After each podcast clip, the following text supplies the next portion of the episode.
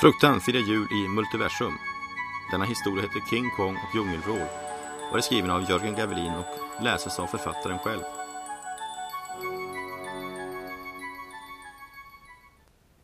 Baren är tom på folk förutom de två männen som sitter på varsin barstol hängande över bardisken.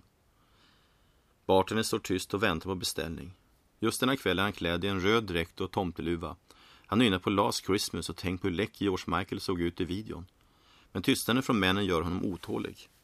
Okej, jag ger upp. Jag bjuder er på varsin härlig mörk norrländsk julöl, bara ni säger något, säger han med en upprorisk stämma. Den ena mannen tittar upp och ler. Han har ett mörkt vågigt hår och ett mysigt skägg. Bartendern tycker han ser snäll ut, som en liten tomte. Med van hand häller han upp ett skummande öl i ett stort glas. Varför är du så deppig idag då? Frågar han samtidigt som han räcker fram glaset. Jag är inte deppig, men lite trött bara. Min nya film har snart premiär och det har varit mycket jobb. Bartendern tittar på den andra mannen. Och du då? Varför säger du inget? När mannen ställer sig upp ser bartendern hur, hur stor han är. Därför är jag ledsen. Oh, säger bartendern. Ingen vill se mina filmer längre. Den skäggige mannen skiner upp när han ser den andra gästen. Jonny, säger han överraskat och sträcker ut sin hand.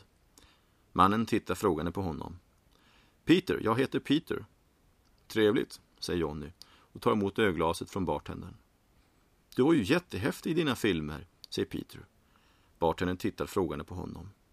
Kan du inte säga din mest berömda replik? Jonny suckar. Han fick ständigt rabbla detta, var det det enda folk kom ihåg. Jag Tarzan, du Jane, säger han med en uttråkad stämma. Peter ler glatt. Vilken replik, fantastiskt! Jonny tittar trött på honom.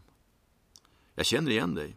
Var det inte du som gjorde den där filmen om jätteapan och den där filmen om ringen? King Kong, han heter King Kong och originalet är världens bästa film. Jonny suckar. Du kan väl inte mena att en film om en apa är världens bästa film? Det var ju bara lite små dockor. Dockteater, det är ju bara löjligt. Peter blev genast arg. Det är ingen vanlig apa. Det är världens största apa. Så du menar att en kille i kalsonger som hoppar omkring mellan rep är trovärdigare? Du, jag skapade faktiskt världens mest berömda vrål. Aj, aj, aj, ylar Peter och höjer handen som en strut runt munnen. Johnny är nära att klippa till honom med, en, med handen när Peter återkommer till tals.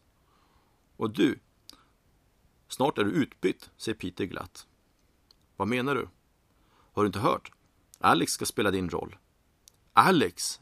Menar du blodsugar-Alex? Johnny stirrar storögt på honom. Jepp. Alex! ropar bartendern och hoppar upp och ner av lycka. Ska jag få se Alex i höftskynke? ropar han lyckligt. När Peter ser hur hans hand åker ner i byxorna så hejdar han honom. Stopp för guds skull, vad gör du människa? Johnny stirrar på Peter med stora ögon. Du kan inte mena allvar. En blond svensk kan väl inte spela Tarzan? Du hör ju hur dumt det låter. Jo, säger Peter med ett brett leende. Bartendern kråmar sig bakom bardisken.